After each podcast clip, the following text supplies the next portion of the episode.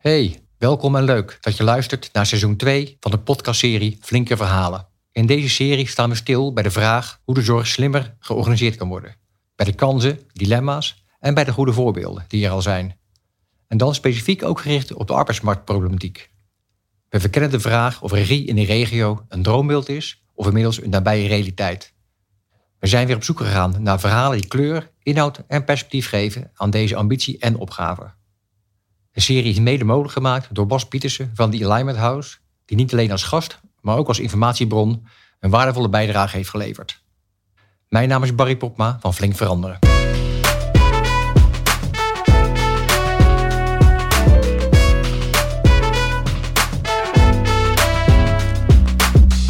Hoi Jacqueline, tof dat je er bent en uh, ik ga je even voorstellen.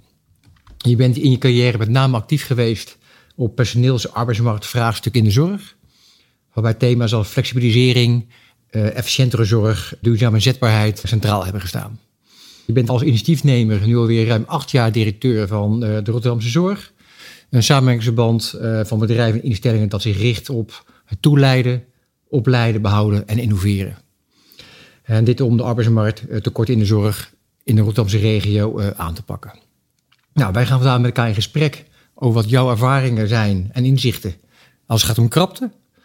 Uh, wat het vraagt om meer aan te ontsnappen. Maar we staan ook stil bij de veranderkundige opgaven, bij de transitie van de zorg en uh, nou, de volgende fase zou je kunnen zeggen. Maar zou je eerst even de luisteraars kunnen en willen uitleggen wat jij ziet als jouw opdracht binnen de Rotterdamse zorg? Ja, dat is een uh, brede opdracht. Uh, in eerste instantie, de Rotterdamse Zorg is een onderdeel van de zorg- en onderwijsorganisaties. Hè. Wij worden bestuurd door de bestuurders van die organisaties. En daarmee zijn we eigenlijk de afdeling arbeidsmarkt van zorg en onderwijs. En wat wij te doen hebben is, uh, ja, ik noem ons wel ook wel de verspieders van de toekomst. Wij kijken in de buitenwereld naar wat er gebeurt op die arbeidsmarkt, welke ontwikkelingen, trends er zijn. Uh, kwantitatief natuurlijk, maar steeds meer ook kwalitatief. En brengen de partijen die in onze regio werken bij elkaar om daar van gedachten over te wisselen. Van wat komt er op ons af? Wat betekent dat? Wat zitten daar voor knelpunten in? Wat voor risico's lopen we daarop? En wat zouden we met elkaar moeten doen om te zorgen dat we de continuïteit van zorg kunnen garanderen? Ja. Nou, daar maken we met elkaar afspraken over, dat iedereen daar zijn bijdrage aan levert, hè, dat we dat echt gezamenlijk doen. Want we hebben maar één arbeidsmarkt in onze regio, wel heel veel organisaties die er allemaal aan bijdragen. En zeker in de zorg uh, investeren veel organisaties in die arbeidsmarkt, in die, met name die uh, specialistische professionals uh, daarin. En we hebben er allemaal wat aan bij te dragen om die goed op te leiden, genoeg op te leiden en ook gezond en vitaal en blij aan het werk te houden. En daar maken we ook afspraken over wat er dan nodig is om ook voor de toekomst daar uh, voldoende mensen voor te hebben. En uh, daar te komen, dat geeft vaak een hoop knelpunten. En die knelpunten leiden dan vaak weer tot projecten waarmee we die proberen op te lossen. En dat doen we heel vraaggestuurd. Op basis van wat uh, organisaties uh, nodig achten. En uh, kijken hoe we daar samen met de organisaties door kennis en kunde te verbinden. goede oplossingen voor kunnen maken. Nou, die knelpunten en wat je daarin tegenkomt, daar gaan we het met name over, ook over hebben. Ja. Maar wat mij wat triggerde in mijn voorbereiding, dat ik las dat je daar initiatiefnemer in bent. Hoe is het initiatief tot stand gekomen? Wat heeft je daarin aangezet? Het is een. Um, de samenwerkende ziekenhuizen hadden met elkaar een die werkten al samen op een aantal fronten en ook op het gebied van arbeidsmarkt, maar daar bestond nog niet echt een organisatie omheen. Dat wilden ze wel graag doen om daar ook wat meer subsidiegeld voor uh, los te kunnen krijgen. En uh, toen hebben ze mij gevraagd of ik dat uh, wilde doen. En um, ja, toen was er eigenlijk nog niet zoveel, zou ik maar zeggen, behalve de ambitie om met de ziekenhuizen samen naar die arbeidsmarkt te kijken. En vanaf dat moment zijn we eigenlijk gestart. En we is dan ik in eerste instantie en ik had vrij snel mijn collega uh, daarbij gevonden. En in het begin was dat pionieren. En uh, dat, is, uh, nou, dat past mij goed, pionieren. Dat vind ik een leuke fase van organisaties. Eigenlijk van niets iets maken. En dan hebben we eigenlijk een, uh, zijn we gestart met de infrastructuur eigenlijk van samenwerken tussen organisaties. Aan de hand van hele concrete projecten. En nou, dat heeft langzaam uitgebouwd in de afgelopen jaren naar een infrastructuur waar ook de ouderenzorg, de gehandicaptenzorg, psychiatrie, jeugdzorg en dergelijke bij aangesloten zijn. Onderwijspartijen, gemeenten en steeds meer samenwerkingspartijen eigenlijk om die complexe vraagstukken die er op de arbeidsmarkt, uh, nou ja, een groeiend probleem zijn om die met elkaar uh, eigenlijk aan te pakken. En als jij zegt infrastructuur, is dat dan technische infrastructuur, een sociale infrastructuur? Wat, wat, wat bedoel jij daarmee? Nou, daar bedoel ik mee dat we komen uit, hè, toen ik acht jaar geleden begon, uit een tijd dat uh, organisaties uh, erg in zichzelf werkten, zal ik maar zeggen. Hè. Dus ook de oplossingen en alle vraagstukken intern aanvliegen. En uh, wat wij hebben gedaan is eigenlijk de partijen met elkaar in verbinding gebracht. Uh, de bestuurders met elkaar aan tafel. Uh, hè, er waren wel wat tafels, maar vooral rondom dit thema. de hoofd-PNO met elkaar aan tafel. De, de uitvoerende HR-mensen, de lijnmanagers met elkaar aan tafel. En daar over die vraagstukken met elkaar van gedachten wisselen. En daar ook samen aan te werken. Dus gemeleerde groepen die met elkaar een bepaald vraagstuk oplossen. En daar uh, met elkaar dingen in investeren en resultaten maken. En dat bij elkaar brengen, ja, dat gaat niet vanzelf. Hè. We leven in een marktwerkingszorgsector uh, waar uh, ja, concurrentie en nou ja, over de muren naar buiten kijken, ja, tot voor kort eigenlijk nog niet zo heel veel gebeurde. Wat heeft gemaakt dat het nu niet automatisch, maar toch meer organisch of gestuurd, of dat, er, dat het nu makkelijker gaat? Wat zijn je lessen erin geweest om dat te versoepelen, dat contact? Nou, wat eh, helpt is dat uh, de noodzaak wat groter is. Hè? Dat men ook wel ziet dat er veel in de buitenwereld gebeurt, wat echt veel invloed heeft over hoe het in de organisatie kan en moet gaan. Dus de situatie maakt ook wel dat mensen wat meer naar de buitenwereld komen. Hè? Dus, dus uh, naar andere sectoren, andere collega's, andere instellingen. En um, wat het gemaakt heeft, is dat we steeds heel nadrukkelijk hebben gezegd: we hebben maar één arbeidsmarkt. En we moeten daar met elkaar voor zorgen. En we kunnen daar heel erg de concurrentie in zoeken. Je kan uh, mensen werven, meer geld bieden. Uh, maar wat dat doet, is dat een andere burger in Rotterdam geen zorg heeft. Want dan valt ergens anders een gat. Dus dat is de oplossing niet. We moeten echt met elkaar een duurzame oplossing maken. En dat betekent dat we beter die uh, arbeidsmarkt moeten vullen. Hè? Dus samen zorgen voor meer competente mensen, beter opleiden. En als we dat met elkaar doen, dan gaan we echt dat probleem aanpakken. Als we de concurrentie houden, dan gaan we de zorgkosten omhoog brengen, maar niet uh, de zorgvraag beter beantwoorden. las ergens in mijn voorbereiding dat je mensen uit hebt genodigd om uh, aan de verticale tafel uh, deel te nemen. Wat, wat, wat versta je daaronder? Nou, wij hebben, zoals ik net al zei, wij nodigen de mensen aan verschillende tafels uit. Hè. Dus wij zitten met bestuurders aan tafel. Daar hebben we gesprekken over de arbeidsmarkt op bestuurs thema's. Uh, dat doen we ook met de hoofd PNO, dat doen we ook met de HR-managers, dat doen we ook met de, de, de, medewerkers van afdelingen, met lijnmanagers. En dan zien wij eigenlijk uh, daar waar we eigenlijk beginnen bij de opdracht van het bestuur, die zegt, nou, we willen uh, nou, bijvoorbeeld dat jullie een zijinstroomtrajecten gaan ontwikkelen. En dus we zouden meer kansen willen hebben van mensen die al een flinke set competenties hebben. Kunnen we die niet naar de zorg leiden? Dan gaan we vervolgens met de hoofden PNO en vervolgens met, uit, met de opleiders en dergelijke aan, in gesprek. En dan zie je eigenlijk dat de interne communicatie over dat soort vraagstukken, dat de bestuurder die opdracht gegeven heeft, die zien we eigenlijk dan niet, niet terug. goed terug. Ja. dus de verbindingen tussen al die lagen, die wij doordat wij met, aan al die tafels zitten, uh, uh, ja, wij horen in elke laag wat daar de informatievoorziening is, zien we eigenlijk dat die niet overal is.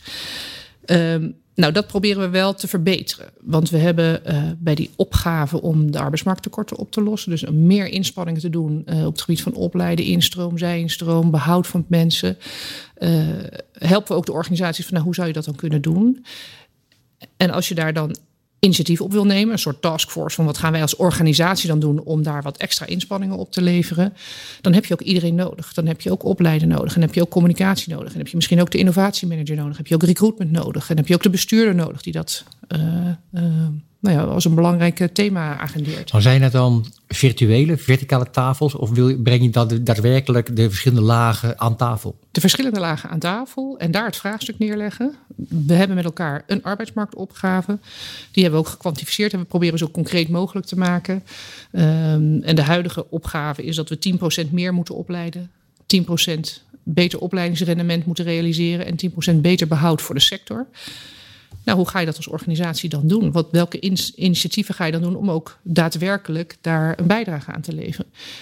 Nou, daar kun je met elkaar van gedachten over wisselen. Dat moet heel dicht bij de HR-agenda van de organisaties liggen. Van nou, wij gaan bijvoorbeeld op zij-instroom inzetten. Of wij gaan inzetten op een goed uh, uh, loopbaanontwikkelprogramma, zodat de mensen langer blijven.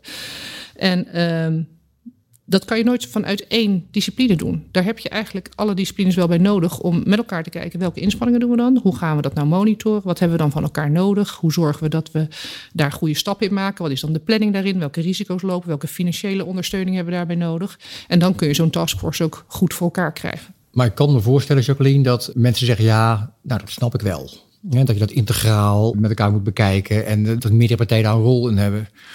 Toch zie je het in de praktijk niet al te veel terug. Misschien bij jullie wel, maar wat is jouw ervaring dat het zo logisch klinkt, maar in de praktijk toch niet zo logisch is dat het gebeurt? Wat zit daartussen?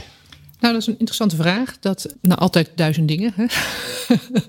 dat zijn, uh, um, dat kun je, als je daar een gesprek over aangaat, kun je daar vele, vele, vele uh, drempels op benoemen die dat uh, ingewikkeld maken. Um, we zijn daar nu wat verder op aan het onderzoeken hoor. Hoe zou je daar nou uit die, die remmende machten eigenlijk die simpel lijkende dingen toch moeilijk van de grond uh, brengen. Of traag, of misschien wat veel minder effectief dan je had gedacht. Om, die, uh, uh, om daar wat meer zicht op te krijgen. Ehm, maar goed, het begint wel al. Heb je allemaal hetzelfde idee van wat er nodig is, waarom dat nodig is en wat dat van jou vraagt als professional van afdeling X of van de HR-afdeling of en uh, nou, daar begint het al en daar, daar is het vaak al vrij uh, diffuus. Dat dat niet allemaal op alle tafels op dezelfde manier eigenlijk als opdracht ligt. En zou dat dan kunnen komen, Jacqueline, door een onvoldoende gedeeld of expliciet gemaakt of gevoeld urgentiebesef? Van snappen we nou echt wat op ons afkomt en voelen we dat en doorzien we de consequenties daarvan? Of... Nou, ik denk dat um, mijn persoonlijke perceptie is dat de zorg uh, heel veel zeer daadkrachtige mensen heeft, maar die erg in het hier en nu zitten, heel erg gericht op actie. En um, dat de tijd en de aandacht om uh, verder vooruit te kijken, uh, om uh, ook echt naar die buitenwereld te kijken. Wat gebeurt daar eigenlijk? Hè? Die arbeidsmarktcijfers, wat betekent dat dan nou? en om daar strategisch op te handelen. Dus niet wanneer het echt pijn doet, maar proactief eigenlijk dingen te voorkomen, zodat die problemen niet te groot worden. Ja, dat zijn geen competenties die in de zorg heel erg ontwikkeld zijn. Dus daar, daar zit wel een groot vraagstuk bij nou ja, problemen van deze omvang. Dat er een soort donderwolk op ons afkomt als het gaat over de arbeidsmarkt. Uh, waar we nog onvoldoende mee bezig zijn, omdat we binnen ontzettend druk zijn. En dat is ook zo. Ik bedoel, COVID heerst. Dat zijn natuurlijk grote uitdagingen waar organisaties voor staan. En uh, er was al een arbeidsmarktkrapte. Hè, dus dat is, uh, ja, dat het druk is, dat, dat, dat zal op vele fronten. maar daar zit wel, denk ik, een heel belangrijk vraagstuk van hoe kunnen we nog meer en nog beter uh, alle niveaus, want de bestuurders die snappen dat heus, maar alle niveaus in de organisatie meenemen in wat komt er op ons af en wat betekent dat nou voor jou? Als ik dat dan zo beluister, hè, in de verklaring van drukte, dat, dat, mensen geen tijd hebben om even achterover te zitten en goed strategisch, anticyclisch wellicht naar die vragen te kijken. De verklaring snap ik. Maar tot hoe lang mag het nog een excuus blijven? Het is nooit een excuus natuurlijk. Het is een, uh, uh, ja, mijn statement is: de beste dag om te beginnen is vandaag. vandaag heb je nog uh, meer personeel dan de komende tijd. Want we gaan in die zin, de zorgvraag gaat fors stijgen op basis van demografische ontwikkelingen en andere ontwikkelingen. En het uh, aantal mensen wat we daarvoor kunnen opleiden of inzetten gaat niet in diezelfde snelheid mee. Dus ja, vandaag is wel de beste dag om te beginnen. En dat is ook een, een, een credo wat je hebt en uitstraalt binnen de zorg. Ja, dat, en dat wordt niet altijd herkend hoor. Dat, uh, maar dat, ik, ik, ik draag dat wel uit. Ja, dit is, uh, de cijfers zijn inmiddels zo concreet en zo duidelijk. Want het staat natuurlijk al wat langere tijd voor hè, de, de babyboom en de vergrijzing. Dat zijn wel ja. begrippen die al langere tijd leven. Maar goed, de wereld is in verandering en in beweging. Je weet ook nooit precies hoe erg is het en welke oplossing komt er nog en wat, uh, wat, wat gaat de wereld nog doen. Uh, maar nu komen ze, komt het wel dichtbij en zijn de cijfers ook heel concreet en eigenlijk ook heel erg uh, ja, tastbaar. En kun je het ook wel vertalen van wat zou dat nou echt in de praktijk betekenen over twee jaar, over drie jaar. En eigenlijk ook vandaag al. Hè. We hebben op dit moment veel afgeschaalde zorg, zoals dat dan mooi heet. Uh, mensen die thuis zitten, die niet geholpen worden in het ziekenhuis, omdat er geen personeel is. We, bereiden ons voor voor de volgende COVID-golf. We hopen dat het meevalt. Maar als het niet meevalt, dan uh, zullen toch veel mensen niet de passende zorg krijgen die ze wensen en nodig hebben, omdat het uh, ontoereikend aantal mensen nu kan werken. Heb je het gevoel dat men ook voelt dat die derde misschien wel aankomt en dan, dat we ons klaar moeten maken En dat we niet achteraf zeggen, oh ja, weet je nog, toen in uh, nou, begin maart, toen hadden we het over de derde golf. We hoopten misschien dat hij voorbij zou vliegen, zou, komen, zou gaan, en, maar hij is toch gekomen. En we waren er toch weer niet klaar voor. Nou, ik heb de indruk dat de zorgsector, nou in ieder geval alle beleidstafels waar ik soms mag aanschuiven, dat die daar wel goed klaar voor zijn en dat die dat heel scherp monitoren. Ja, of de maatschappij dat op diezelfde manier ervaart, dat weet ik niet. Beleven in een lastige tijd. Ja, wat houdt er dan in van er klaar voor zijn in jouw idee? Voor zover je er überhaupt klaar voor kunt zijn. Hè? Maar... Nou, klaar voor de scenario scherp hebben, wat er kan gebeuren. Ja. Hè, dus dat het, het, het zal niet overkomen. Uh, men is er klaar voor in de zin van we weten wat er gaat gebeuren. We weten welke scenario's realistisch zijn. Dat kan door alle invloeden een beetje mee of een beetje tegenvallen. En uh, op die scenario's hebben we ook plannen klaar liggen wat er dan moet gebeuren. Ah, ja, dus ook de ja. uitvoeringsplannen in concept of, of meer in detail, die liggen er. Ja, en okay. dat, uh, ja, dat zal een ingewikkelde puzzel zijn en blijven. maar dat daar zijn de organisaties wel op voorbereid. Ja. Okay. ja. Ik las ergens anders dat jouw stelling is voor een effectieve regionale strategische personeelsplanning. Uh, en daar krapte er drie zaken van belang zijn. Je zei, wat is de toekomstgerichte zorgvraag? Hoe leiden we op wat over drie jaar nodig is? Nou, het anticyclisch. En hoe blijven we continu bestuurlijke dialoog voeren met elkaar over de keuzes die we, die moeten maken? Uh, met, met de bijbehorende gevolgen. Als je nu kijkt naar de huidige praktijk en je, je pakt je eigen stelling daar eens bij, wat zijn dan toch knelpunten die daar tegenkomt? Want dat, dat anticyclisch kijken, dat is geen vermogen dat iedereen zomaar heeft. Of iedereen heeft zomaar de rust om dat te kunnen doen. Nee, we kunnen wel, uh, als ik kijk naar onze aanvliegroute die uh, erg vanuit het arbeidsmarktperspectief gaat. En, en we kunnen uh, met arbeidsmarktonderzoek en arbeidsmarktcijfers wel veel in kaart brengen. Dus daarmee proberen we wel de anticyclische, als we dat de, de zogeheten varkenscyclus zouden kunnen noemen. Hè, te veel opleiden en dan eigenlijk allerlei mensen weer moeten ontslaan. En dan eigenlijk weer een tekort, omdat er niet opgeleid wordt. Hè, dus je eigenlijk steeds je eigen golfbeweging creëert. Dat kunnen wij nu met die cijfers wel goed uh, voor de regio uh, dempen. Okay. dus daar zit wel een. Uh, daar kunnen we strategisch genoeg. En daar hebben we voor de regio voldoende materie en informatie voor. Om met elkaar ook echt die aantallen zo specifiek te maken. dat we weten wat we moeten opleiden en wat niet op dit moment zien we natuurlijk die groeiende zorgvraag. Uh, dat die, nou ja, die varkenscyclus nu even niet zo heel relevant is bij de meeste functies. Uh, dat het vooral meer gaat over hoe gaan we het volume halen. Nou, dat is een vraag één. En het antwoord is daarop, dat gaan we helemaal niet halen. Dus als we kijken naar de, de, de benodigdheden die er zijn, dan zullen we echt ook andere dingen moeten doen. En dan heb je het over de transitie van de zorg. Dan zullen we een aantal dingen moeten doen waarbij we aan de ene kant minder afhankelijk van personeel worden. Nee, want daar is gewoon een tekort aan. Dus dat je gewoon veel meer gaat kijken naar technologie en techniek en data. Hoe je met andere manieren van ondersteuning uh, minder afhankelijk bent van het uh, personele capaciteit. Het tweede is dat we echt moeten zorgen dat we uh, dat wat er wel is aan specifieke kennis heel slim inzetten. Dus dat je als regio heel goed gaat kijken waar is wat het hardste nodig. En hoe gaan we dat ook op een goede manier verdelen. Nou, dat is een hele uitdagende ja Waar, uh, nou, dat, dat gaat niet zo makkelijk. Maar wat wel een mooi voorbeeld is. Uh, in onze regio was uh, ten tijde van corona. lagen de IC-bedden vol. waar een groot probleem was bij de geriatrische revalidatiezorg. Daar was echt een groot tekort aan personeel, heel veel ziekte. En daardoor konden de mensen uit de IC's die weer wat opgeknapt waren, niet door naar de revalidatieplaatsen. En dan stroopt het in de ziekenhuizen op. En hoewel er dus in de ziekenhuizen ook echt grote personele vraagstukken waren, hebben we toch personeel vanuit de ziekenhuizen naar die revalidatie gezet zodat het weer stromen. ging stromen. Ja, en dat is een mooi voorbeeld van hoe zet je dan de mensen, de schaarse doelgroepen, zo slim in dat de meeste mensen zorg kunnen krijgen. Ja, mooi. Maar ik kan me ook voorstellen dat het verdelingsvraagstuk om te, te durven verdelen of te willen verdelen of te mogen verdelen, moet je connectie hebben met een hoger doel. Hè? Moet je ergens hebben, goh, weet je, dit is misschien, doet nu mij even pijn.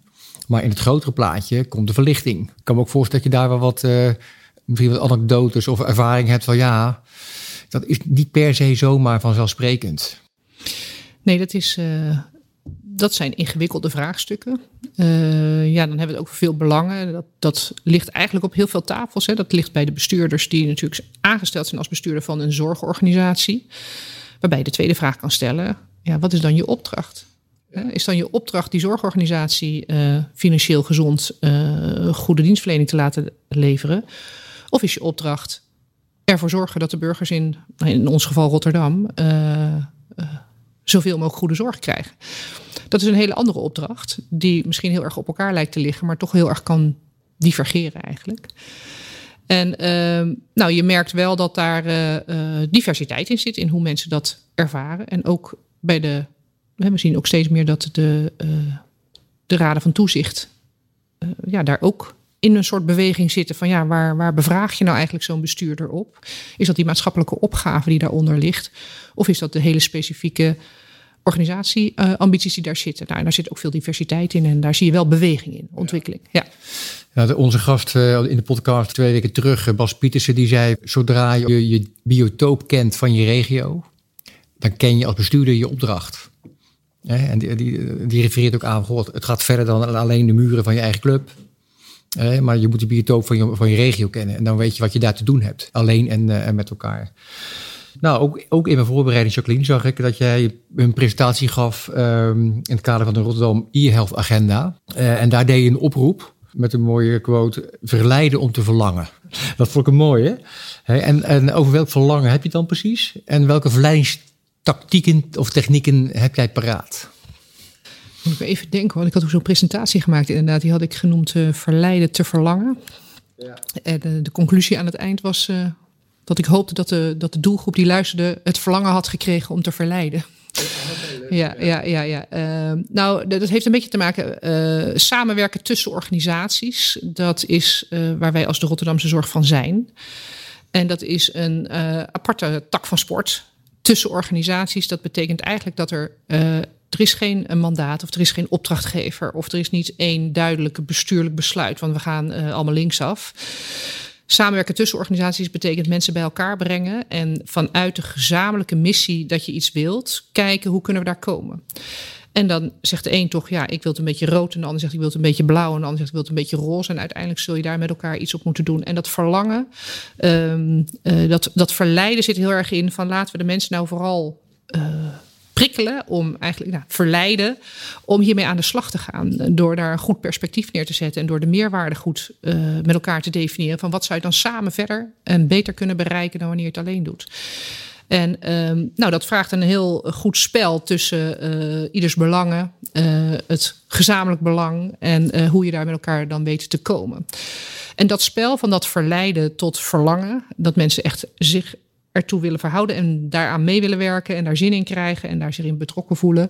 Uh, ja, dat is het spel wat wij elke dag spelen. Nou ja, want eh, toen ik het las, kijk, voor mij is het woord verleiden en het woord verlangen zijn allebei woorden van het hart. En meer dan uh, woorden van het hoofd. He, dus, dus, dus, ik kan me voorstellen dat de, de business case is makkelijk gemaakt. He, als, je, als je de cijfers kent, en je weet wanneer het fout gaat en je kan het uitrekenen. Ja, dus die verleidingstactiek, die doet het niet nee, voldoende. Nee, nee, nee, nee. Nee, dat, dat, dat klopt. De, ik denk dat als we het hebben. Nou, wat misschien wel een mooi voorbeeld uh, over de transitie van de zorg waar we nu voor staan. Dat, het, uh, dat we het echt met elkaar anders moeten organiseren om ook in de toekomst elke burger die zorg nodig heeft, uh, tijdig van passende zorg te kunnen voorzien. Um, dan gaat het ook heel erg over van ja, hoe, hoe gaan we dat nou met elkaar doen? Dat is een enorme opgave die echt grote veranderingen met zich meebrengt. Dat is alleen al de digitalisering. Hè. Dat zijn grote veranderingen voor, voor mensen, voor medewerkers, voor, ook voor patiënten en cliënten uh, trouwens. En toch willen we daar met elkaar inhoud aan geven en willen we dat doorzetten en willen we ook in ten tijde van corona de stappen vooruit maken en medewerkers daarin meenemen. En um, we, ik merk gewoon dat mensen die daar intrinsiek op gemotiveerd zijn, die zien dat het beter kan, of die een ambitie hebben om het anders te maken, of die het mooi vinden om aan betere zorg te werken. Ja, daar komt energie vandaan en daar komt passie en interesse vandaan. En als je dat bij elkaar brengt, dan ontstaan de mooie dingen en dan ontstaat er ook invloed en energie om dat, uh, nou ja, dat dichtbij naar anderen ook uit te stralen. En dan komen er dingen los die uh, niet per se loskomen van een business case top-down uh, uitgerold. En wat doe, wat doe jij daarin? In het uh, creëren van verlangen of het aanzetten van verlangen? Of is dat een rol die, je, die zeker, bij je past? Zeker. Nou ja, dat, ehm, ik heb er nooit zo op die manier naar gekeken overigens hoor. Maar ja, ik, ik, ik geloof enorm dat mensen in beweging kunnen komen vanuit een nou ja, van inspiratie of vanuit een beelden van de toekomst, van een verhaal waar je in gelooft of een, een, een weg naar je naar toe wilt. Dus wat wij wel heel veel doen, is eigenlijk uh, die toekomst ook wat beter schetsen. Er handen en voeten aan te geven. En uh, ja, wat wij bijvoorbeeld gedaan hebben, is uh, vanuit de beelden van de toekomst van zorg. Hoe zou, hoe zou dat eruit kunnen zien als we al die toekomstverkenningen en al die plannen van uh, al die organisaties en die, die samenwerkende partijen nou eens bij elkaar leggen? Hoe zou die toekomst er dan uitzien? En als we uh, kijken naar die toekomst, uh, hoe we dan werken, hè, meer digitaal, meer op afstand, mensen meer thuis, waar preventie en gezondheid een belangrijkere rol heeft. Wat zou dat dan betekenen voor die zorgmedewerker? En die zorgmedewerker noem maar even de verpleegkundige die nou bijvoorbeeld in een ziekenhuis werkt of die nou in een oudere zorginstelling werkt. Wat moet hij dan doen en wat moet hij dan kunnen en wat is dan anders dan nu? En daar hebben we een soort persona van gemaakt. Uh, die hebben we Fin genoemd.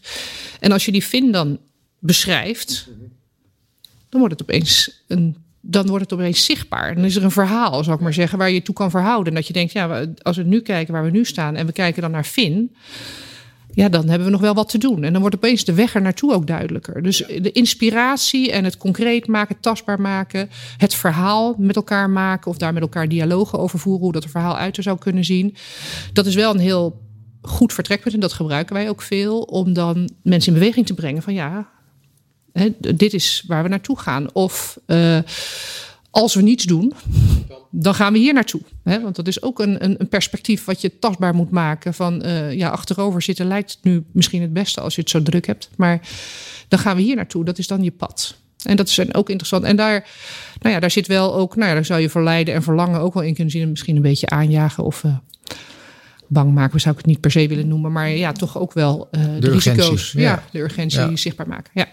Nou ja, wat ik mooi vind in je verhaal, is dat ik, dat las ik ook terug in mijn voorbereiding, dat je een oproep doet, een appel doet op innovatie hè, en uh, het innovatieve karakter van een organisatie. En tegelijkertijd de zorgprofessional daarin centraal wil blijven laten staan. Dat hoor ik ook terug in je voorbeeld. Van, okay, de bespiegelingen van de toekomst, dat is één. Maar wat is nou de plek en de positie van die zorgprofessional daar dan in? He, want dat is ook weer die arbeidsmarkt, ja. neem ik ja. aan, die, ja, daar zeker, een, die daar een plekje krijgt. Ja, vanuit arbeidsmarktperspectief, even, uh, we hebben een enorm zorgpunt als het gaat over mensen die de zorg verlaten. Vaak al heel vroeg in hun carrière. Soms al met de stages, maar uh, veel al ook uh, in de eerste twee jaar van hun werkende leven. Um, en we zien dat dat een heel, heel groot uh, nou, een vraagstuk is. En um, we doen daar veel onderzoek naar. Wat zijn dan motivaties en redenen? En daarin zien we eigenlijk dat er uh, in de manier waarop zorg nu vormgegeven wordt, een grote groep zich steeds minder goed herkent. Niet goed in de, in de... Hoe, hoe mensen in de zorg werken. Okay. Uh, hoe werkgevers werkgeverschap organiseren. Uh, leidinggevende leiding geven. Uh, zorgmedewerkers hun zorgtaken al dan niet kunnen uitvoeren.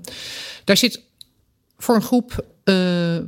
voelen zich daar zo niet zo lang bij dat ze weggaan. En nou, ik heb net geschetst hoe krap de arbeidsmarkt is. Dus als we al gekwalificeerde mensen hebben die de zorg mooi vonden... en die dat diploma hebben... dan is dat natuurlijk een heel groot verlies als je het vanuit arbeidsmarktperspectief bekijkt. En daar is gewoon veel in te doen. En uh, uh, dat zijn. Uh, hoe komen we naar modern werkgeverschap? Dat is een, een, werkgeversvraagstuk. Hoe kunnen we dat goed doen? Maar veel meer, hoe zetten we nou die professional in zijn kracht? Hoe gaan we nou de essentie van zorg, de relatie tussen die cliënt die hulp nodig heeft of een hulpvraag heeft, en die professional, die vakman, vakvrouw, die daar een, een uh, antwoord op kan geven of die daar in die relatie wat kan doen. Hoe gaan we dat nou weer centraal zetten? Ja. En uh, hoe gaan we nou die zorgprofessional vanuit zijn vakmanschap goed faciliteren dat hij op maat de juiste dingen kan doen die voor die zorgvragen nodig zijn? Ja, en ook kan blijven doen, hè? want wat ik wel eens hoor, is dat, dat veel onder focus ligt aan de voorkant. ik las ook in, in eh, een artikel onlangs, ook vanuit de Rotterdamse Zorg, van ook een heel mooi voorbeeld. Hè? Hoe, hoe kunnen we studenten een zachte landing geven? Ja, de, de, de, de zachte onboarding. Mm -hmm. Dus hoe zorg je ervoor dat ze goed binnenkomen? Dat je de toeleiding en, en als ze even binnen zijn. Maar voor een deel is natuurlijk ook de handvraag: hoe, hoe hou je ze binnen? Ja, want want de, de, voordeur staat dan warm open, ja. maar hij gaat uh, koud uh, de, de, deur uit op een gegeven moment. Ja. Ja, daar, daar is veel ook uh, over gezegd. de commissie werk in de zorg die door VWS is ingesteld om te kijken, zijn de zorgorganisaties nou goed genoeg voorbereid op die toekomst die er aankomt? Die geeft daar ook duidelijke adviezen over. Dat de manier van werkgeverschap eigenlijk nu nog ja, niet toereikt is. Zeker niet voor de nieuwe jongeren millennials die echt andere motivaties, andere drijfveren, andere wensen ook hebben. Maar noem eens uh, 1, 2, 3 dingen waarvan je zegt, goh, onvoldoende toegerust, we zijn nog old school, als het gaat om werkgeverschap, wat, wat, wat is dat centraal daarin? Nou, bijvoorbeeld talentmanagement. dus dat je talenten in je organisaties uh, goed, uh, goed in kaart hebt en weet welke loopbaanpaden er zijn. dat mensen ook echt loopbaanpaden hebben. Er zitten wel stappen in en ondernemende werknemer die gaat daar heus komen. Maar voor grote groepen is dat ook, zitten wel in fuikfuncties. Uh, ja, de, de carrièreperspectieven worden door mensen als onvoldoende ervaren. Um, en ja, wat vooral een heel groot vraagstuk is, dat mensen zich onvoldoende gezien en gewaardeerd voelen. Ja. En dat heeft ook te maken met dat er natuurlijk steeds meer de menselijkheid er een beetje uitgehaald is. Het is heel protocolair, het is heel collectief, uh, heel top-down. Ik zeg het wel heel zwart-wit nu hoor, maar uh, ja, dan als vakman of vakvrouw, hoe ga je dan nog jouw persoonlijke talent daarin laten zien? En hoe ga je daar nog, nog het verschil kunnen maken? Want het klinkt zo logisch, hè? Om uh, daarop te blijven investeren. In de jaren tachtig zeiden we, je moet mensen boeien en binden. Ja. Hè? En uh, nou ja, wat, wat doen we daar dan in? En iedereen snapt als je het zegt, goh, hè, hoe, hoe, zorg voor je mensen. Iedereen zegt het te snappen. Ja. Maar in de praktijk het zo moeilijk terug. Wat, wat zijn naar jouw idee dan, waar verliezen we het? Waar verliezen we het dan uit oog? Dat we dachten, oh ja, we hebben wel mensen binnengehaald. Want daarmee hebben de roosters weer vol. De, de klus kan uitgevoerd worden. Maar waar, waar zijn we het verloren om voor mensen te zorgen, om te blijven luisteren en te blijven voelen met die mensen? Is dat een ja, ja, dat. Uh, ik zou zeggen in de zorg, waar veel compassie en empathie een uh, belangrijke competentie is, dat dat eigenlijk wel goed zou moeten gaan. Uh, ik denk dat er heel veel goed gaat, hoor, zeg ik er ook even mhm. bij. Maar uh, ik denk wel dat de de afgelopen jaren er veel geïnvesteerd is in een wat meer blauwe besturing. dus dat er veel afgerekend wordt op bedbezetting, doorlooptijden. Uh, um, dus hele blauwe cijfers van hoe gaat het. En uh, dat daarmee wel de bedoeling, de essentie van de zorg, niet altijd meer centraal heeft gestaan. En dat is voor die zorgprofessional wel heel belangrijk. Als jij steeds afgerekend wordt op hele organisatorische vraagstukken, die niet in het belang lijken van jouw cliënt of soms onbegrijpelijk zijn van waarom moet dat nou per se. He, dus niet goed duidelijk uitgelegd uh, waarom dat moet. Met veel registratie en controle. En uh, ja, dan, dan raken mensen toch wel een beetje de bevlogenheid daarop kwijt. Maar zeg je daarmee dat we uh, zijn doorgeslagen in de regeldruk en de verantwoordingssystematieken? Nou, als, als ik er naar kijk, dan zeg ik uh, de, de bureaucratische en veel blauwere organisatorische kant heeft wel de overhand gekregen. Uh, het is ook heel procedureel en met heel veel protocollen ingericht. En ehm, ja, de medewerker is bijna een soort marionette aan touwtjes geworden die dat beleid moet uitvoeren. En ik zou het heel graag uh, anders zien. Ik denk als de medewerker weer vakvrouw, een vakman mag zijn. En vanuit het vakmanschap keuzes mag maken. En de organisatie daar dienend aan is. Ik denk dat daar de medewerker heel veel blijer van wordt. Ik denk dat daar ook de cliëntvraag beter beantwoord eh, kan worden. Maar dat vraagt wel een grote omslag in zo'n organisatie. Ja, dat vraagt vakmanschap, maar ook vertrouwen. Zeker, dat vraagt vertrouwen. En, en dat vinden mensen ook heel moeilijk. Daar heb ik ook wel uh, voorbeelden van. Dat mensen, uh, ja, als je niet de verantwoordelijkheid hoeft te nemen, word je er ook niet op afgerekend. En als je wel de verantwoordelijkheid gaat nemen, dan is het ook soms spannend. Ja. ja. Ik zou graag die stap eens met je willen maken, Jacqueline, naar uh, inderdaad dat onderwerp uh, transitie en uh, wat je daarin tegenkomt. Ja. ja, ik weet dat je nu een, een opleiding volgt bij Nijrode. Ja. Als het gaat over regularisering en wat daar allemaal bij komt kijken. nou, en daarin komt denk ik ook wel het, het kracht- en het machtenveld aan bod. Kun je ons eens meenemen in welke les je daar geleerd hebt als het gaat over de dynamiek van het veld? Ja, wat ik. Uh, nou, wat het eerste instantie bij mij oplopt, er, komt heel veel voorbij hoor. Dus, maar het eerste wat er in mij, in mij oplopt, wat, ik, uh, wat mij echt wel uh, wat ik interessant vind, is het geheugen van systemen. Boeiend. Dat organisaties die op een bepaalde manier een, een cultuur hebben, ook al zijn we een aantal jaren verder en zijn er allemaal nieuwe mensen gekomen, dat dat geheugen er toch nog wel in zit. En dat dat organisaties ook lange tijd kan volgen. Dus als je een hele hiërarchische organisatie hebt en uh, je, er komt een nieuwe besturing die toch zegt, nou we gaan dat anders doen. Dat die hiërarchische uh, componenten van die cultuur lange tijd blijven bestaan. Ook al zijn er veel nieuwe mensen. Dat vond ik een heel fascinerend uh, inzicht daarbij. Nou, ze zeggen wel eens van de cultuur zit in de muur. Ja. En dus ook als de mensen weg zijn, dan ademt het pand, wij spreken nog in figuurlijke zin, ja. de oude cultuur uit. En ja. daar heb je gewoon mee te maken. Ja, ja dat, dat vond ik zelf heel fascinerend, omdat je dat op allerlei situaties kan toepassen. Dat dat uh, zo is. Hè. Als je gewoon in de privé-situatie, als bijvoorbeeld mensen met uh, ouders met een oorlogsverleden, dat komt ook, dat ademt ook door. Terwijl mensen die, oor, die kinderen die oorlog eigenlijk niet hebben meegemaakt. Een generatietrauma zou je bij kunnen zeggen. Ja, dat ademt zich dan door. Dus dat vond ik uh, een, een fascinerend inzicht eigenlijk. Um, maar wat ik. Wat vooral belangrijk is, is eigenlijk uh, de ecosystemen. Ik denk dat dat steeds belangrijker wordt. En dat zie ik nu eigenlijk ook in hoe wij op dit moment werken. Omdat wij heel veel tussenorganisaties en uh, met heel veel netwerkpartners uh, proberen om alle vraagstukken die er liggen zo goed mogelijk op te lossen. Dat je eigenlijk ziet dat daar precies de kracht zit om in die transitie te komen. Ja. Door heel in dat netwerk goed te weten wie waarvan is, goed te weten wie wat weet, goed te weten wie waarmee bezig is en daar de verbindingen tussen te leggen, dan komt er een enorme daadkracht tevoorschijn die je eigenlijk bijna niet uh, nou ja, op een, op een, een top-down manier zou kunnen organiseren. En in welke, wel je zegt ecosystemen en dan denk ik gelijk, oké, dat, dat zijn instellingen die allemaal met elkaar een hoger doel hebben richting die regio gezondheid van, hè, de gezondheid van mm -hmm. mensen. Welke belemmerende of helpende rol uh, speelt geld daar dan in? Ik ga nog één nuance maken bij het ecosysteem, want dat gaat over mensen en niet over organisaties. Hè. Dus okay. het ecosysteem zie ik echt in mensen die, een, nou ja, die met elkaar uh, het ecosysteem voeren. En dat kan ik zijn als directeur van de Rotterdamse Zorg, maar kan ook zijn als Jacqueline die een bevlogenheid heeft om iets voor elkaar te krijgen. Ja. Uh, jouw vraag was geld. Ja. Nou, geld is uh, in onze wereld natuurlijk altijd heel bepalend en belangrijk. Uh, en dat kan twee kanten op gaan. Dat kan een hele belemmerende factor zijn, waardoor mm. dingen niet van de grond komen. Maar het kan ook een hele stimulerende factor zijn om juist dingen wel van de grond te brengen. Dus, uh, en dat, dat, je kunt niet in transitie komen zonder dat dat vraagstuk eigenlijk ook steeds als randvoorwaarde meegenomen wordt. Maar leg je dat dan in de verticale tafel uh, ook op tafel? Goh jongens, we het, uh, let's talk about geld.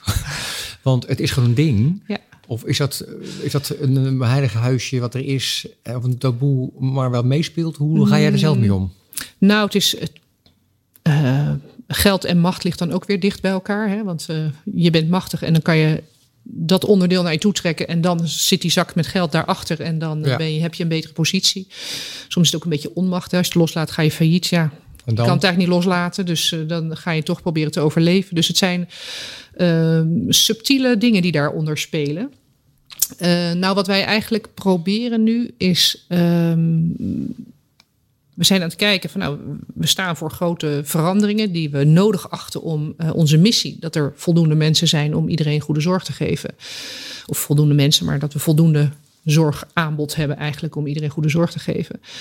Uh, om die te kunnen uh, vervullen hebben we gewoon nu veranderingen nodig. En we zijn ook in gesprek met de leveranciers van dat geld. De gemeente mm -hmm. en de zorg, zorgkantoren en de zorgverzekeraars. Over ja, die zien ook heel goed, want ik bekijk het vanuit het arbeidsmarktperspectief. Maar je kan hem ook vanuit het financiële perspectief kijken. Het wordt onbetaalbaar. Dus ja. daar ligt eenzelfde vraagstuk. Het moet echt anders, want anders kunnen we niet meer betalen. En vanuit het arbeidsmarktperspectief, het moet echt anders, anders hebben we onvoldoende mensen. En dan kan, krijgen heel veel mensen geen zorg. Dus daar, daar ligt diezelfde vraag ook voor. En de, de, de denkrichtingen zijn ook vergelijkbaar. En wij zijn ook goed in gesprek om te kijken van nou, hoe kunnen we de financiële ruimte die daar is, Hè, want om de transitiegelden heet dat dan. Of uh, de koersen die ze op hebben om, om uh, afspraken te maken. Hoe kunnen we die nou goed inzetten om de benodigde verandering te stimuleren?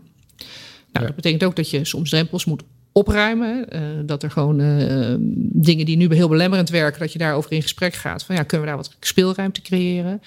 Maar dat je vooral ook gaat kijken hoe zouden we de geldbeloningen moeten neerzetten om uh, die beweging goed voor elkaar te krijgen.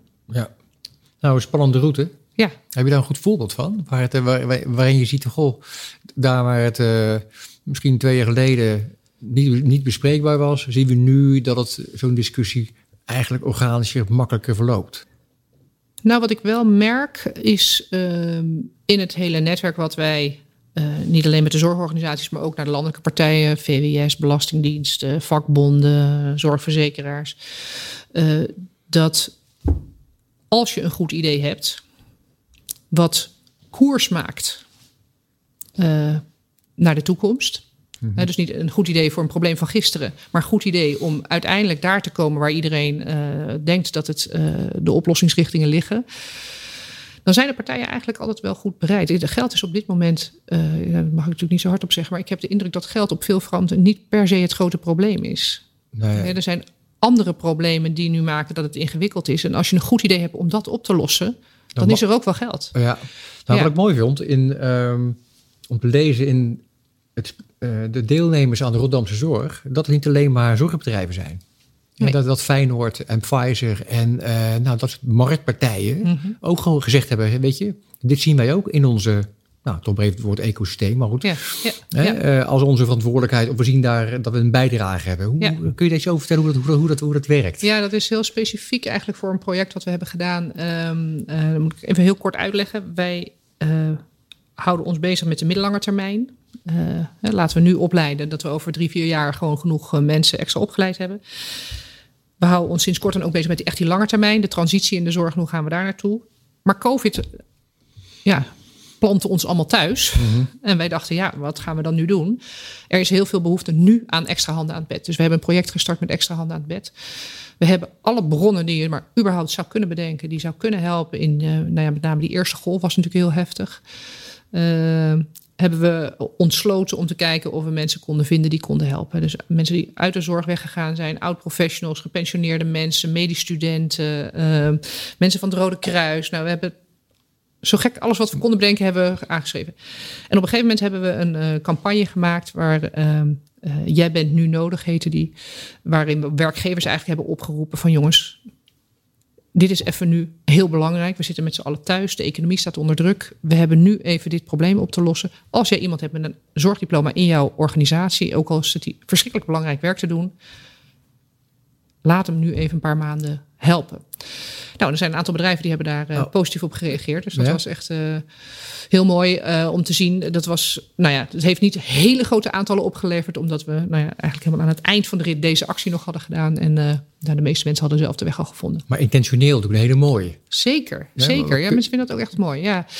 Nou ja, ik heb wel de indruk dat het is natuurlijk een heel integraal vraagstuk. Als we het hebben over zorg, maar laten we het hebben over gezondheid.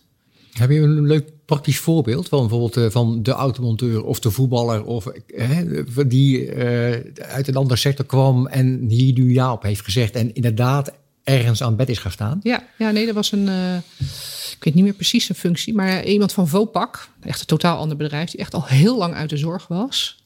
Maar die wilde dat wel graag doen. Daar hebben we ook, ik weet, ik, mijn collega's doen dat dus, die kennen de mensen persoonlijk, maar ik weet omdat er daar een uh, interview mee geweest is met deze man.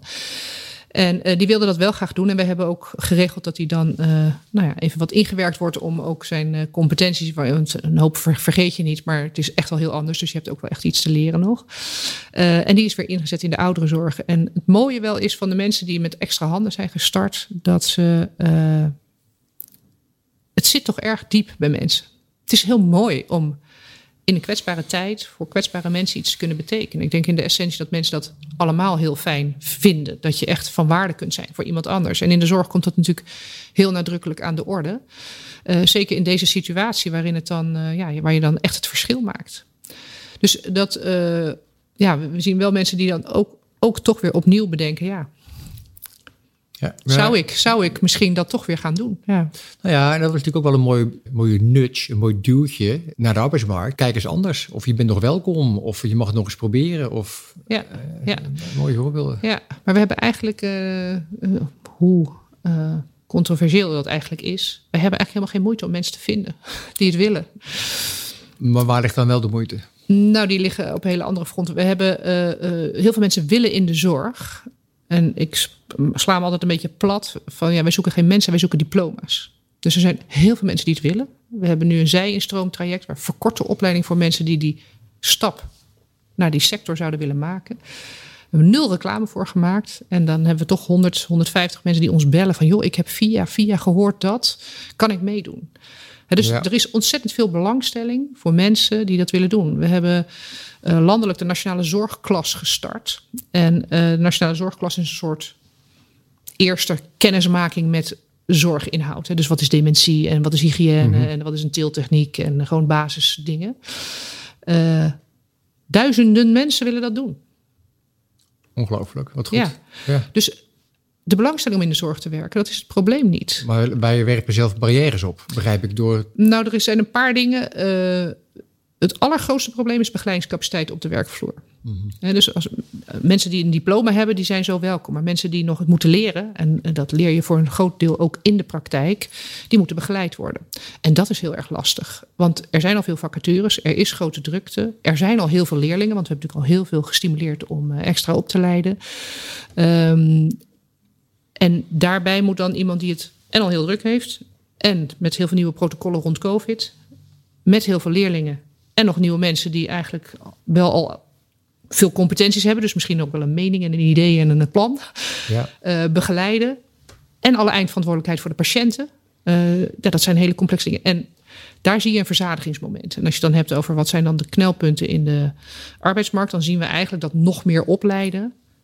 De zorg kan het bijna niet meer absorberen. Dus daar zit een heel groot knelpunt. Ja, en daar moeten we ook oplossingen voor zoeken. Uh, bijvoorbeeld door niet in die praktijk, maar veel meer in nou, virtual reality en andersoortige modernere manieren van leren, zonder dat het de praktijk veel belast. Ja, maar, mooie uitdaging. Hey, en in mijn voorbereiding heb ik me laten influisteren dat jij van reizen houdt. Ja. En ik dacht, goh, uh, volgens mij ben jij ook op reis in dit pad ja. van uh, uh, verkennen, verleiden, onbekende terreinen. Is dat een parallel die je kan trekken daarin? Kun je daar iets over zeggen? Zeker, zeker, ja. Ik hou inderdaad van reizen en ehm, ben altijd wel nieuwsgierig naar, naar wat het je over jezelf leert als je in een totaal andere omgeving komt. Hè, ja. wat, wat dan opeens bloot komt te liggen. Um, als ik kijk naar mijn pad bij de Rotterdamse Zorg, of nou ja, eigenlijk in mijn hele carrière wel, dat um, ja, altijd wel weer nieuwsgierig van wat is what's next. En ik hou erg van pionieren. Dus daar waar het nog onontgonnen is, uh, daar ligt mijn uh, interesse. Ja, ja. Dan pak ik hem even terug wat je eerder in het gesprek zei over we hebben veel blauw management gehad. En ik zag van de week een, een studie van Be Bright van Michiel van voorbij komen over het het verandervermogen of, of transitievermogen uh, van bestuurders.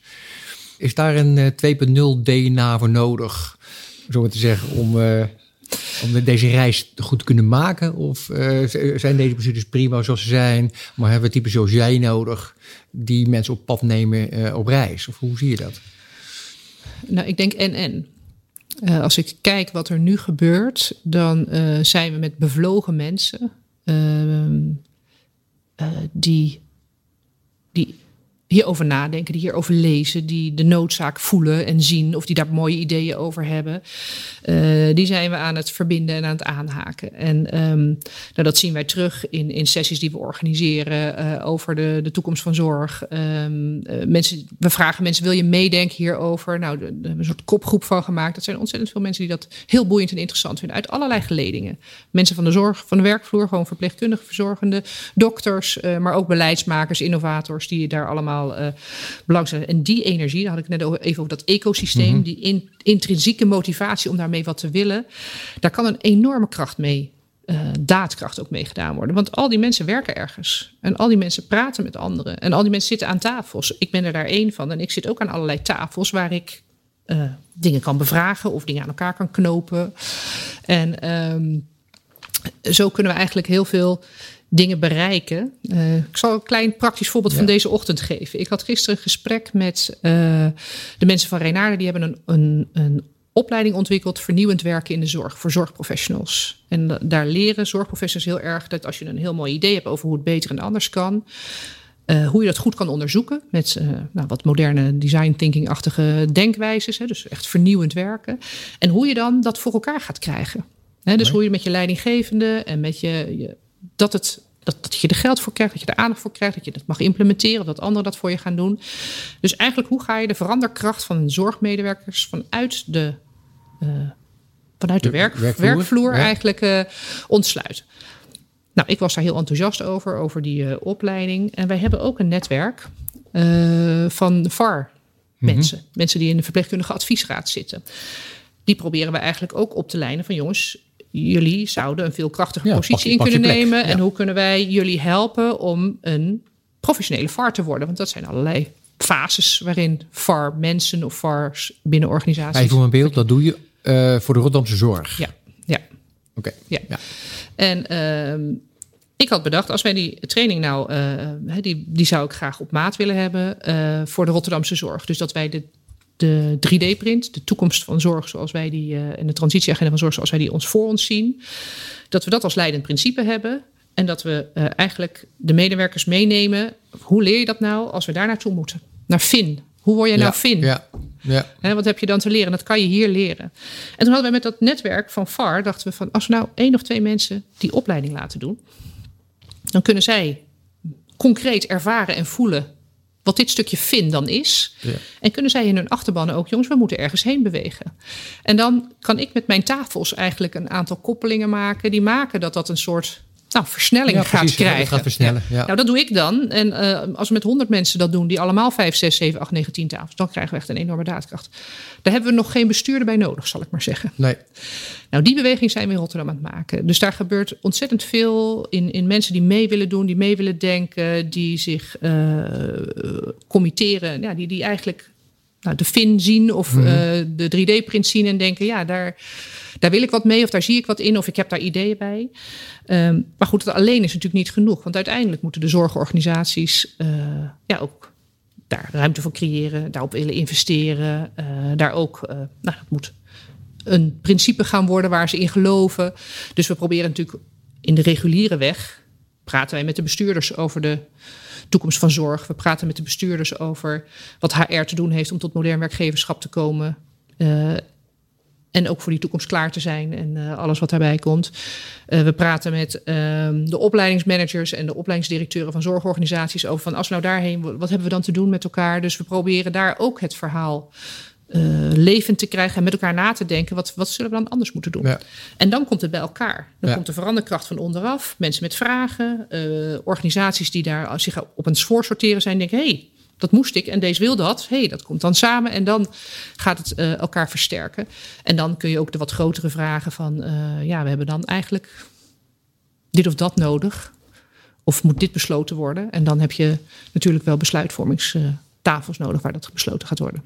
Ja, wat mooi. Nu het zo vertelt, dacht ik, goh, wat, wat, wat doe je dan eigenlijk? Hè? Dan, jij en jouw mensen, dan ben je ook een soort firestarter. Hè? Want ik zag je net, de luisteraars zien dat niet, maar mm. toen je had over intrinsieke motivatie, kwam een soort ge, ge, gebaar van, van, van vuur. Uh, zo zag ik het.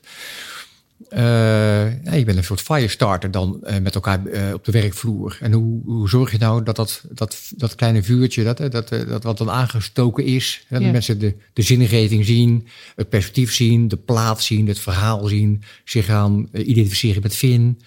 Nou, dat, dat gaat mensen in beweging zetten. Ja. Dan moet het ergens bij elkaar gaan komen. Dat het niet, niet gaat verzanden, ja. dat het niet alleen bij een mooi idee blijft. Nou, En dat spel, dat je aan het spelen. Ja, dat, en dat, het, het leuke daarvan is om als je een hele goede infrastructuur hebt. En dan kijk ik even naar mijn eigen netwerk. Ik ken ontzettend veel mensen. Uh, omdat we tussen al die organisaties kunnen we ook heel snel schakelen.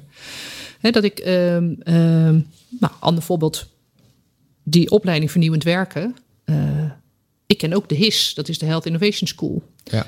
Dat is wat meer voor de beleidsmakers en de innovaat, innovatiemanagers. Uh, en, maar het lijkt wel op elkaar. Dat ik denk, nee, dat zou mooi elkaar kunnen ja. versterken. Ja. Breng dat bij elkaar. Precies. En als iedereen dat nou doet, dat zijn maar, ik noem drie dingetjes die uit deze week komen. Dat zijn helemaal geen uh, jarenlange studies, zal ik maar zeggen. Dat komt, maar als je dat leert verbinden en je kan het koppelen, dan kun je ook heel snel resultaten maken. Dus dan kun je ook naar die mensen die daarop bevlogen zijn zeggen: Nou, we hebben nou dat verbonden en we gaan nu dat starten en nu gaat de farm meedoen en dan gaan we kijken hoe we ze dat in hun achterbannen kunnen laten brengen. Dat is denken, we zijn in beweging. Ja. En dat ontsluiten, dat transparant maken, dat goed laten zien, dat geeft die energie dat van hé, hey, we, we werken ergens naartoe. En dat moet je dan uh, wel ook ja, transparant maken, uh, waar dat dan gebeurt. En uh, de mensen die daarmee bezig zijn ook dat goed laten voelen van... hé, hey, ik ben er onderdeel van, ik had eraan ja. meegedacht. En, ja, ik ben trots. Ja. ja, we zijn het aan het doen met elkaar. Ja, mooi. Ja, ja. Hey, we gaan bijna afronden, maar ik heb nog twee vragen. Ja, het, ja, gaat, gaat snel, tijd, ja, gaat zeker snel, ja. um, we hebben het even gehad over het woord verlangen. Ja. Welk verlangen heb jij voor de komende paar misschien het jaar of voor, of voor de komende paar maanden. En waar zit hier jouw grootste teleurstelling van het afgelopen jaar? Nou, mijn grootste teleurstelling, ja, dat is, dat is natuurlijk geen nieuws. Dat, uh, COVID heeft hele moeilijke dingen gedaan. Uh, dat heeft iedereen geraakt. En um, in eerste instantie was ik zeer gefascineerd door wat er gebeurde. Het heeft heel veel dingen blootgelegd waarvan je niet wist dat het belangrijk was of dat het bestond. En wat het voor ons in ieder geval heeft gedaan, is dat het heel nadrukkelijk heeft laten voelen en ervaren. Wat gebeurt er als je hele grote zorgvraag hebt en te weinig mensen? Ja. Dus ik vind het een fantastisch voorbeeld om over de toekomst te spreken. Ik zeg, jongens, we zijn nog maar hier. Maar wat je vandaag ervaart, dat is vast de voorbode van wat er straks gaat komen. En dan weten we wat we te doen hebben. Dus het heeft hele mooie dingen blootgelegd en zichtbaar gemaakt. Uh, in ons eigen werk van ons bureau heeft het ook zichtbaar gemaakt dat wij uh, met een enorme passie en bevlogenheid uh, mensen bij elkaar brengen, inspiratie doen, die energie brengen, die harten proberen te raken of dat mm -hmm. verlangen proberen aan te doen. En dat doen wij op onze manieren met de mensen wie wij zijn. We zijn uh, mensen die erg in de verbindingen met mensen, uh, mensen, mensen zal ik ze maar noemen. En nu zaten we allemaal achter een kastje. Oh, ja. En dan kun je eigenlijk dat werk, of die essentie van wat wij doen. Er kan heel veel digitaal, zeg ik er even bij. Maar het is een slap aftreksel van wat we normaal doen. En dat is mijn grootste teleurstelling eigenlijk. Dat wij uh, dat wat we eigenlijk heel graag willen, uh, met hele beperkte middelen moeten doen. Ja. Dus ja, de mensen bij elkaar brengen, daar die energie losmaken, uh, daar die inspiratie brengen. Uh, dat is gewoon erg moeilijk digitaal. En daar zijn we wel beter in geworden. Uh, maar nog zeker niet op het niveau waarop we dat in het levende lijven kunnen. Dus dat, is een, dat vind ik dan moeilijk. Dat ja. is een soort hard willen lopen met een enorme rem erop. Ja, snap ja, ik. Ja. Dat is vermoeiend. Ja. Maar goed, dat is een beetje in de, in de persoonlijke. Mm -hmm. uh, hoe, hoe doe je dat dan met elkaar? Een wat zakelijkere teleurstelling. Nou, ik moet eigenlijk zeggen dat ik uh, uh, eigenlijk ook wel dankbaar ben voor wat COVID eigenlijk ook aan motivatie en inzichten bij heel veel mensen brengt. Van ja, we moeten echt anders gaan werken. We moeten het echt anders gaan doen. Dus ik zie wel dat de tijd ontzettend rijp is. En dat, dat er ontzettend veel kansen ontstaan en mensen die wat willen en doen. Dus ik vind eigenlijk dat het tijdsgevricht voor uh, dat wat ik belangrijk vind nu echt heel uh, goed is. Ja, okay. ja, ja, ja, ja, is je verlangen als laatste? Wat, wat hoop je nog te gaan meemaken of te gaan zien? Nou, wat ik echt hoop uh, is de energie die ik ervaar bij de mensen die wij nou, bijvoorbeeld in die kopgroep weten te enthousiasmeren. Die echt zelf iets willen en die in, invulling willen geven. Uh, de verbinding met heel veel jonge mensen met hele creatieve ideeën daarop. Hè, die heel uh, ja, op andere manieren kijken van hoe zou je dit soort vraagstukken nou, hoe zou je daarmee aan de slag kunnen? Hoe gaan we nou naar meer vakmanschap en hoe gaan we nou naar vernieuwing en, en, en, anders werken en op afstand werken en mensen thuis beter helpen? Um, die energie, ik denk dat dat een hele grote oplossing gaat zijn voor het arbeidsmarktvraagstuk. In de zin van dat mensen zich niet meer betrokken of bevlogen of uh, gewaardeerd of gezien voelen in de zorg. Je hoopt eigenlijk dat die energie uh, overeind blijft. Ja. Dat dat vuurtje blijft branden. Omdat dat een oplossing is voor. Ja, ik hoop dat wat ik daar zie. En dat is natuurlijk een selecte groep die daar nu mee bezig is. Maar dat we dat over de uh, zorgmedewerkers of me medewerkers op de werkvloer, die misschien niet zo dicht bij die veranderopgave uh, zitten, maar die wel onderdeel van die veranderopgave gaan zijn. Want uh, ja, straks hebben we geen polyklinieken meer op die manier en moeten mensen toch iets anders gaan doen. Dus da daar zitten wel heel veel vraagstukken onder. Dat mensen wel diezelfde energie gaan doen van hé, hey, maar wacht eens, ik kan daar richting aan geven. En ik kan, want ik heb ideeën hoe het beter kan. Want Van- ik van onder- zit er elke dag bij. Van onderop. Ja, dus dat vuur wat ik nu gezien heb, dus wat niet gaat over de shit van gisteren oplossen, maar wat gaat over kunnen we naar morgen toe iets mooiers maken, dat we die ook op de werkvloer kunnen krijgen en dat mensen daar de energie van krijgen om ook daadwerkelijk al hun goede ideeën in te zetten en eh, te realiseren. Dat zou ik echt, eh, dat, als dat lukt op een paar plekken, Ja. dan zou ik daar, eh, ja, dat zou ik ontzettend mooi vinden. Ja, Je dankjewel, Jacqueline. En eh, nou, ik zou zeggen tot ziens in het veld en eh, succes met je mooie opgave. ja dankjewel Barry.